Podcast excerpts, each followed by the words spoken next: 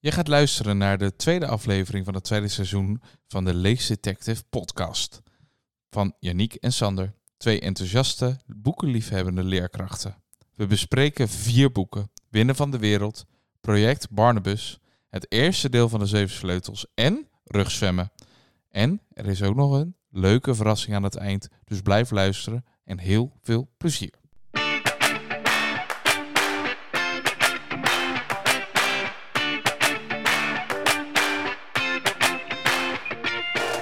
Hallo allemaal en welkom bij een nieuwe uitzending van de Lees Detective podcast. De tweede van dit seizoen, Yannick. Ja, en de eerste bij mij thuis.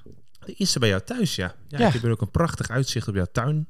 En jij hebt een uitzicht op mij ook, dus dat is ook een prachtig uitzicht. Prachtig. Ja, maar eigenlijk mijn ukulele staat erachter, maar ik weet niet of je dat kan zien. Nee, nee, nu niet. Hoe voelt dat om een keer thuis de podcast op te nemen, Yannick? Nou, ik heb een beetje het gevoel alsof, je, alsof, alsof ik zelf ziek ben of zo, weet je wel? Dat je dan per se gedwongen bent om dat thuis te doen of zo, weet je Het corona-gevoel ook. Corona, ja. Ja, dat is misschien beter nog. Ja, Dat je aan het thuiswerken bent. ja zoiets, ja. Ja. Ja. Ja, nou ja. Maar het Hoe is voelt dat voor jou om bij mij thuis te zijn? Nou, dat is wel, was wel even wennen, ja. Ja, We hebben natuurlijk twee locaties gehad, want ik ben tijdens de podcast, dus niet tijdens de opname, maar ik ben wel verhuisd. ja.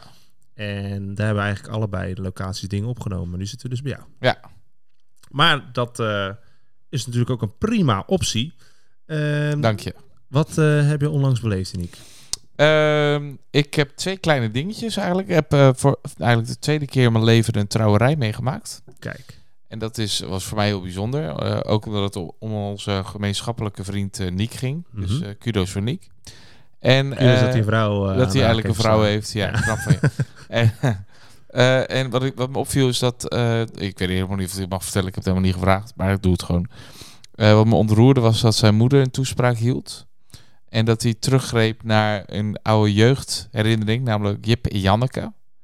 En die heeft daar een verhaaltje uitgehaald. En daar haar eigen sausje overheen gegooid. Vond ik heel erg leuk Ja. om dat een keer te zien. Ja, was creatief bedacht. Dat was natuurlijk ook bij. Creatief bedacht. Dus dat, dat heb ik meegenomen. Ik denk, dat ga ik even vertellen.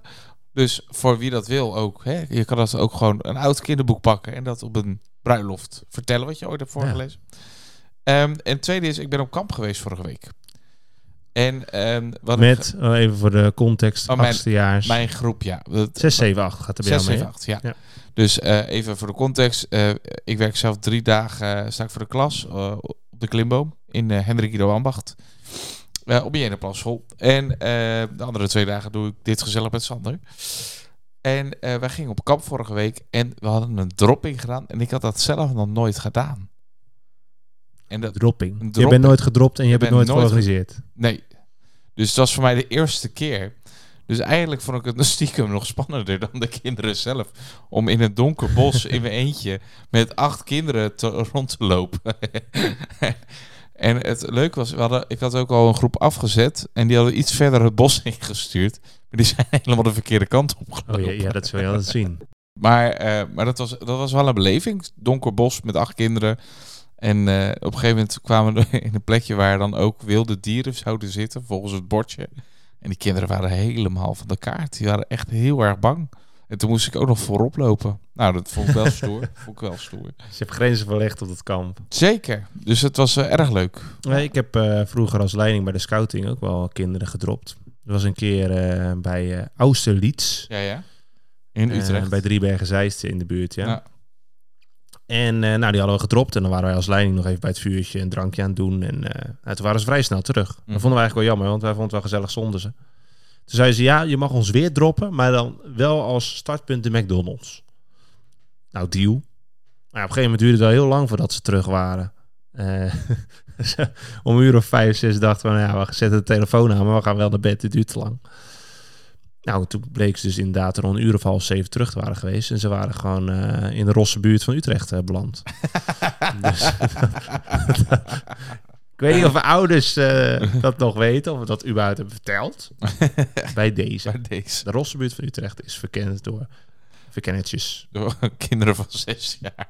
Ze vonden het in ieder geval een leuke trip. maar ze hadden geen geld meer, dat was allemaal in de McDrive gestoken. Dus Oh ja. Hey, en eh, heb jij verder deze week nog wat beleefd? deze week, nou, we zijn gisteren natuurlijk naar een basisschool geweest, in Ja. Purmerend, het Paken. Ja. Daar eh, kregen we de vraag van om eh, de bibliotheek eh, opnieuw op te maken met onze Biepmonsters. Een uitleensysteem waarin kinderen zich ku- kunnen identificeren met een monster. En dan vervolgens dan een boek kunnen uitkiezen. En in de groepen dan uit te leggen hoe dat systeem in elkaar zit. Met een leuke werkvorm nog erbij. Dus we hadden ons natuurlijk opgesplitst. Jij bent vooral de groep in geweest. Ik heb aan de Biep gewerkt. Nou ja, dat was een hele, hele succesvolle dag. Ze waren tevreden met eh, hoe het uiteindelijk is geworden. Toen zijn we wat gaan eten. Want ja, als je van Purmerend naar Vlaardingen moet... dat is niet eh, de meest filevrije route. Beetje filegevoelig. Toen zijn we naar een Griek geweest. Daar hadden we een, eh, een, bijzonder amabele man. Die toen hij hoorde dat wij uit Vlaardingen kwamen... woorden tekort kwamen om te zeggen hoe verschrikkelijk het daar is. Ja.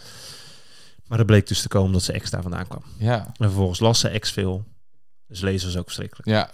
Dus vol- ik denk, eh, volgens mij was het ook vrij pril, begreep ik. Ja, ik heb, zat nog hoog bij die man. ik heb wel het gevoel dat die man eh, niet zoveel meer van zijn ex hield. Dat Nee, gevoel had ik. Ik ook.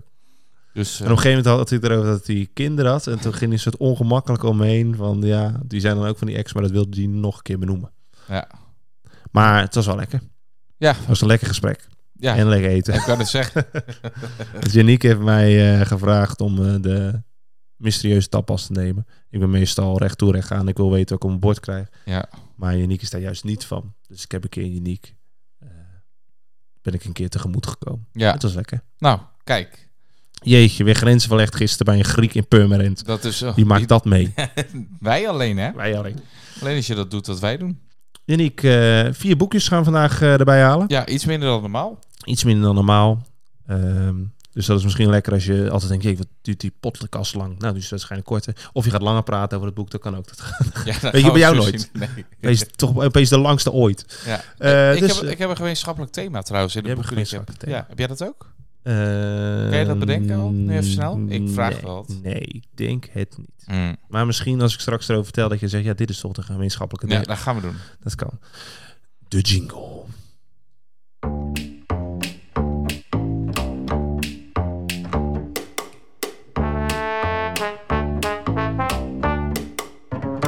Ja, en eh, Sander heeft dus twee eh, boeken meegenomen. Ehm, Sander, welk boek heb je als eerste meegenomen?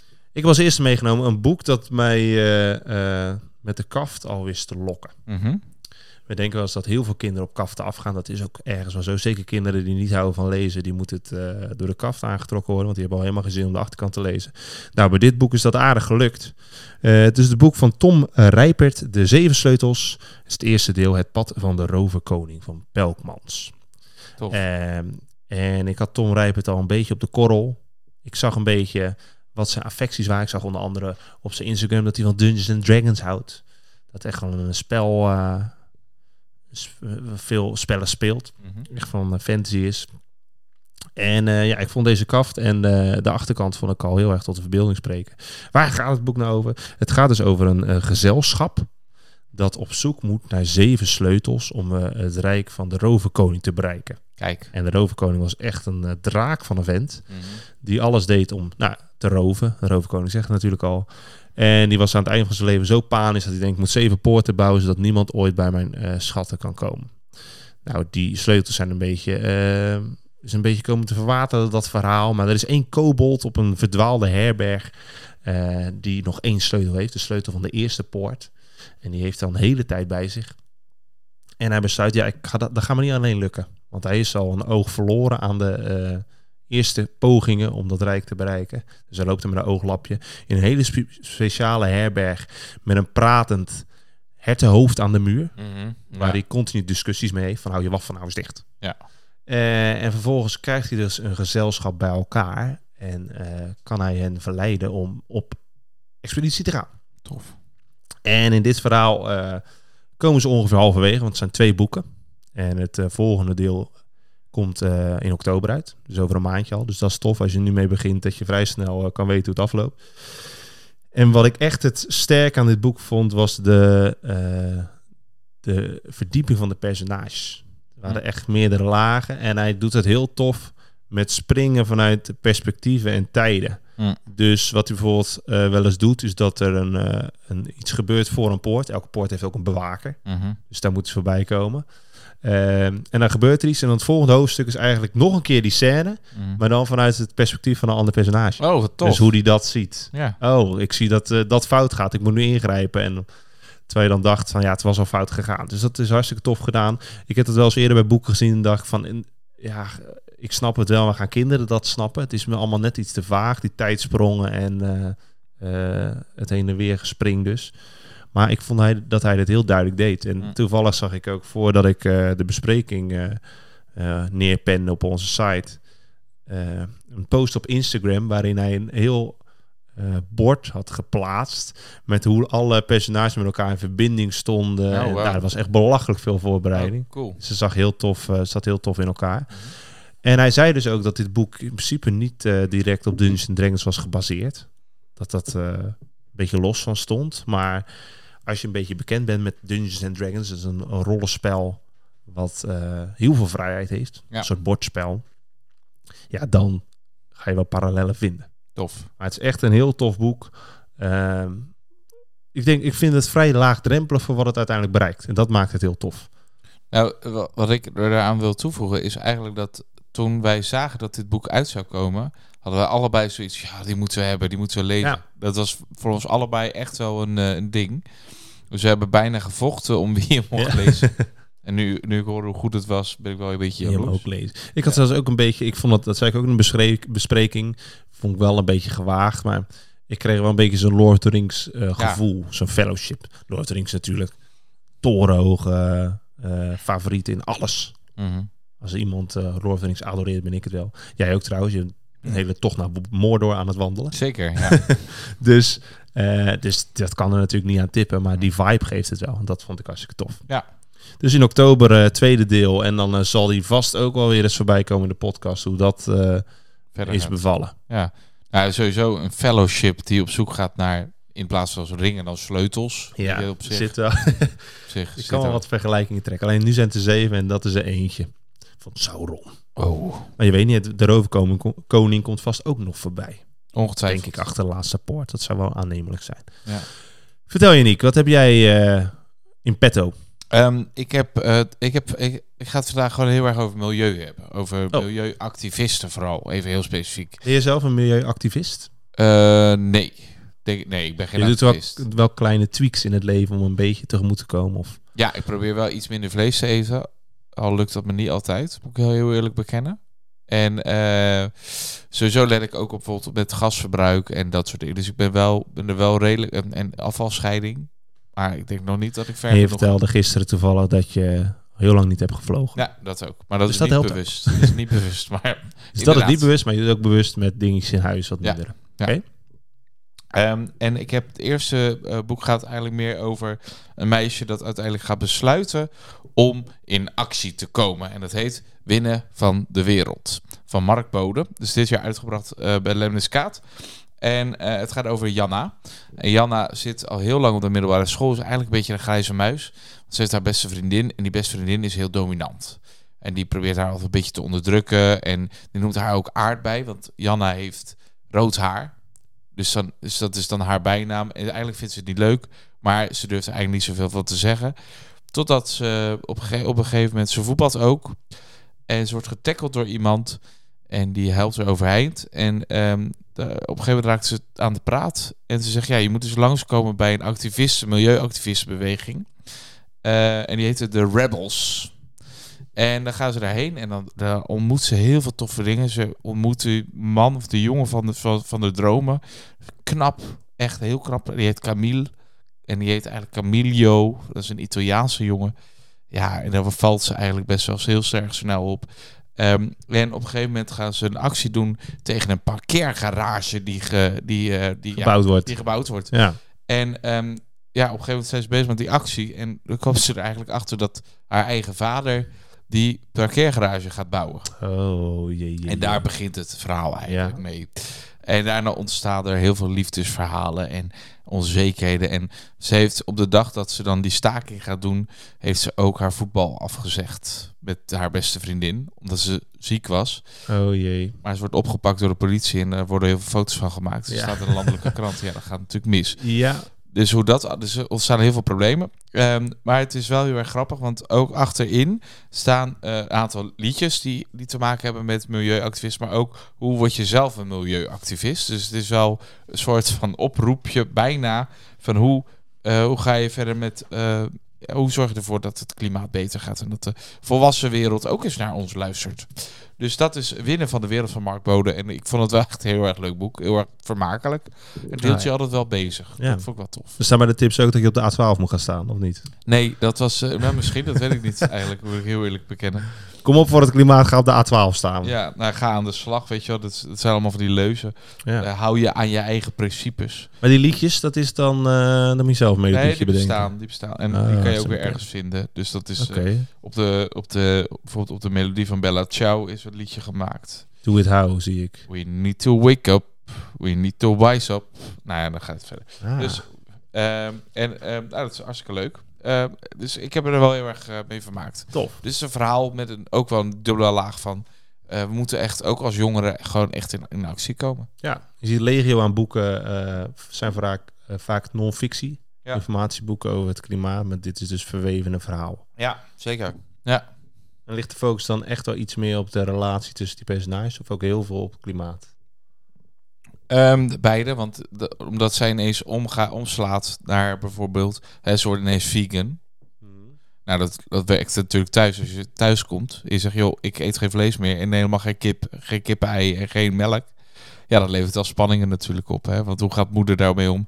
Hoe gaat vader daarmee om? En dan ook nog eens de spanningen hè, van die parkeergarage... die die vader aan het eh, maken is. Nou, dat soort dingen. Dus Dat dat, is wel grappig. Ja, dus dat levert heel veel drama op. Oké, dus Winnen van de Wereld van Mark, Mark. Bode. Bode. Geweldig boek. Leuk boek. Top.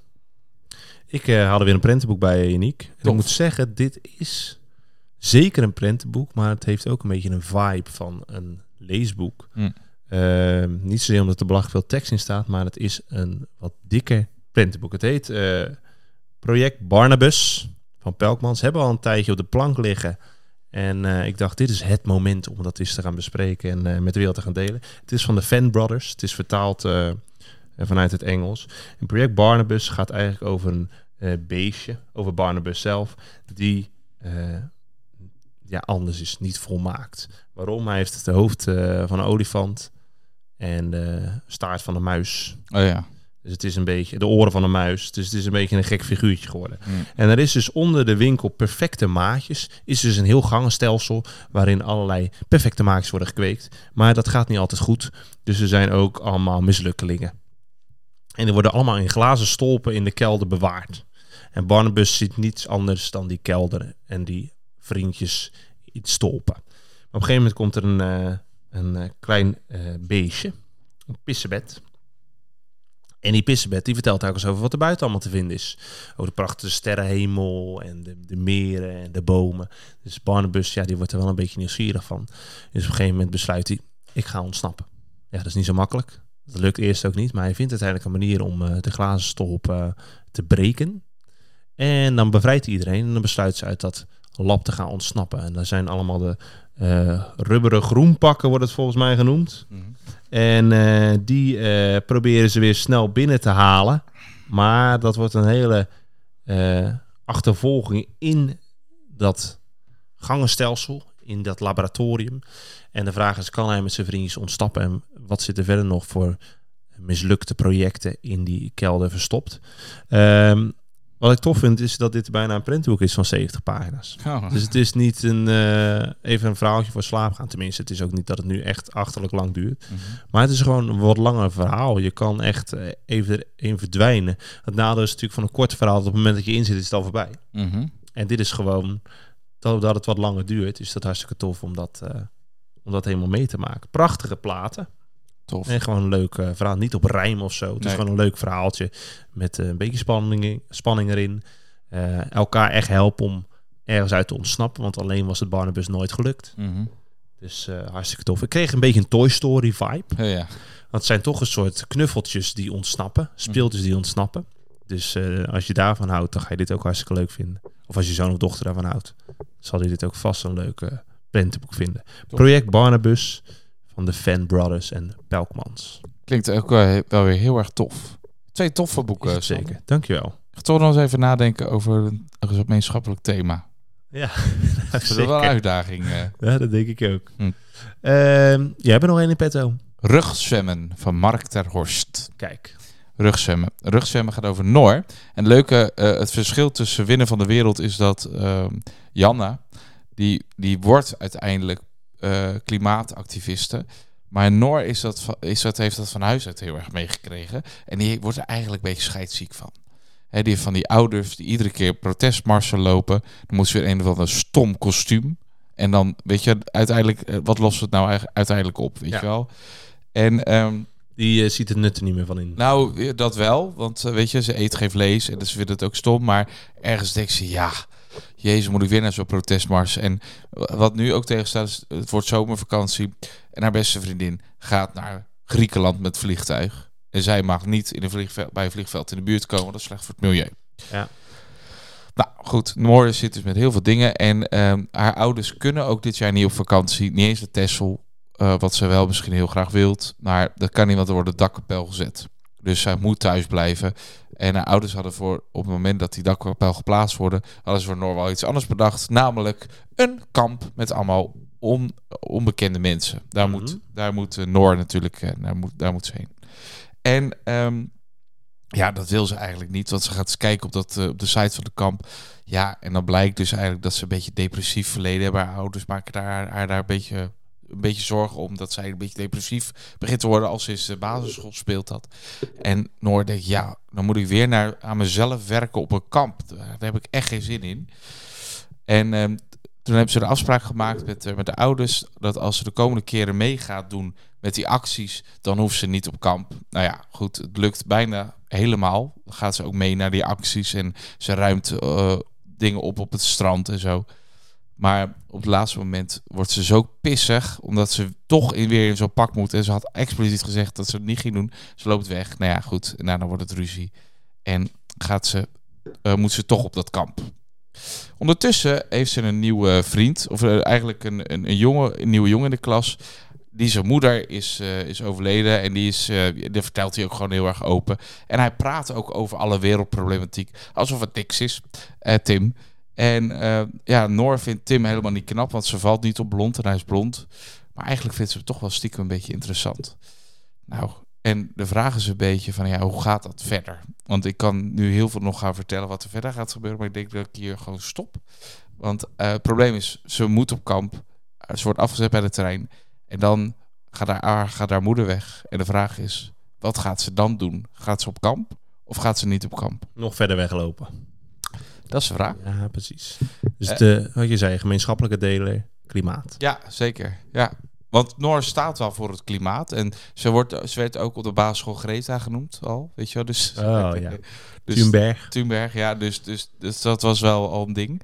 Dus ze staat wel voor, maar ze wilde niet het actie voor hoeven voeren. Niet de hele tijd erbij stil te staan. Daar werd ze maar depressief van. Nee, dus ze houdt het liever bij zichzelf. Ja. Van ik zorg dat ik geen vlees eet en dergelijke. Maar ik hoef niet altijd met een bord op de straat te staan. Ja, de A12. ja. Nou, en hoe loopt dat af? Weet je, al die spanningen weer die erbij komen. Ja. Heel tof. Ook weer een heel tof verhaal van eh, Mark de Horst. Die wel meer eh, boeken heeft geschreven over klimaat. Eh beste is denk ik wel Palm op de Noordpool. Dus dat, maar goed, gewoon hartstikke, hartstikke tof boek. Oké. Nou, hartstikke tof. Zijn we toch weer vier boeken rijker. eh. Ja, Sander.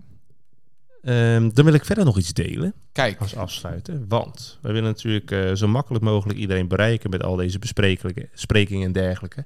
Dat doen we al via de nieuwsbrief. Een nieuwsbrief doen we niet al te vaak eruit. Eh, en we willen het wat laagdrempeliger maken. Dus we hebben een WhatsApp community aangemaakt. WhatsApp community. WhatsApp community. Daar kun je eh, deel van uit gaan maken. En het is eigenlijk vrij simpel. Het is gewoon een soort eh, manier om pushberichten door te sturen. Dat elke keer als we iets op de site zetten, dat je er gewoon even een meldingje van krijgt met een linkje. En dan kan je één keer op klikken, even kijken of het wel is. En dan eh, kun je eventueel een duimpje achterlaten. Het is niet een, een app waarin allemaal mensen gaan spreken. Dat staat ook uit. Dus het is echt alleen vanuit ons updates geven van dingen die we doen. Boekbesprekingen, maar misschien ook eens een foto van een, een locatie waar we zijn. Of een kort filmpje.